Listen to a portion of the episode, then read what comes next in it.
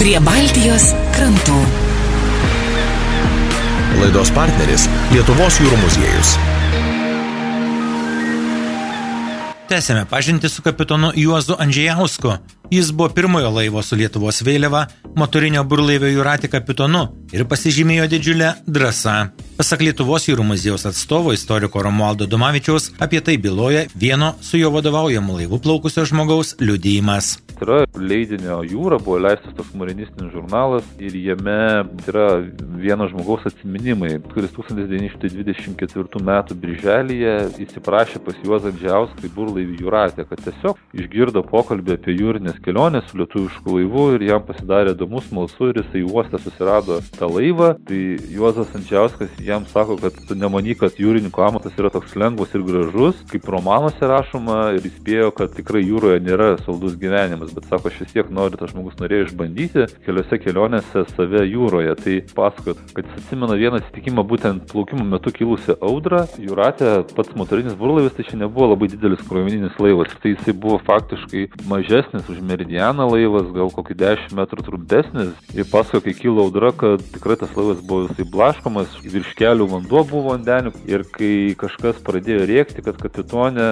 vanduo laive triumuose. Ir jis žmogus, kuris vat, rašo šitos atsiminimus, kad jau buvo nusprendę, kad viskas jau pavargė jie, kad jau pasiruošę yra nuskesti, likimo valiai pasiduoti, tačiau užuot sulaukę iš kapitono įsakymą gelbėkitės, kas galit, gavome įsakymą stoti prie siurblio, traukti vandenį iš laivų. Dirbdamas sėkiau kapitono laikyseną, jis buvo ramus, gal kietas būdas ar mokėjimas susivaldyti, o gal tikrai nėra pavojaus, galvojau. Žiūrėdamas į kapitoną visiškai jo pasikliaudamas. Koks ten vanduo? Pėlė turbūt nusišlapino, o jam jau vanduo laivė drąsino mus kapitonas. Dar kiek padirbėkit, kad nesušaltumėt, mes dirbome atsidėję ir kiek apšilome. Užteks, o tai dugno rudis nulaižysite, šyptelio kapitonas. Visą laiką sekdamas siurblio veikimą. Tai parodo jo būtent tą būdą jūroje, kad jis buvo pasitikintis ir skleidžiantis pasitikėjimo žmogus.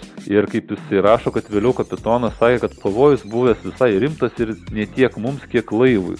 Jūzas Andžiauskas su pirmoji lietuviškų laivų jūratė plaukiojo keletą metų, kol Klaipėdos kraštą prijungus prie Lietuvos Jis perėjo dirbti į uostą, kuriam tuo metu vadovauja Liudvikas Stulpinas kai jau 23 metų inscenizuoto sukilimo buvo leista Lietuvai prisijungti, valdyti Klaipėdos kraštą, tai jau tuo metu Klaipėdos uoste Andžiauskas grįžęs iš tarnybos jūroje su Juratė, šitų burlaivių jisai dirbo visokiose uosto laivuose. Tai ir buvo kapitonas tokio garsaus vilkiko perkūnas uosto tarnybos, ledlaužys vilkikas buvo pastatytas naujas.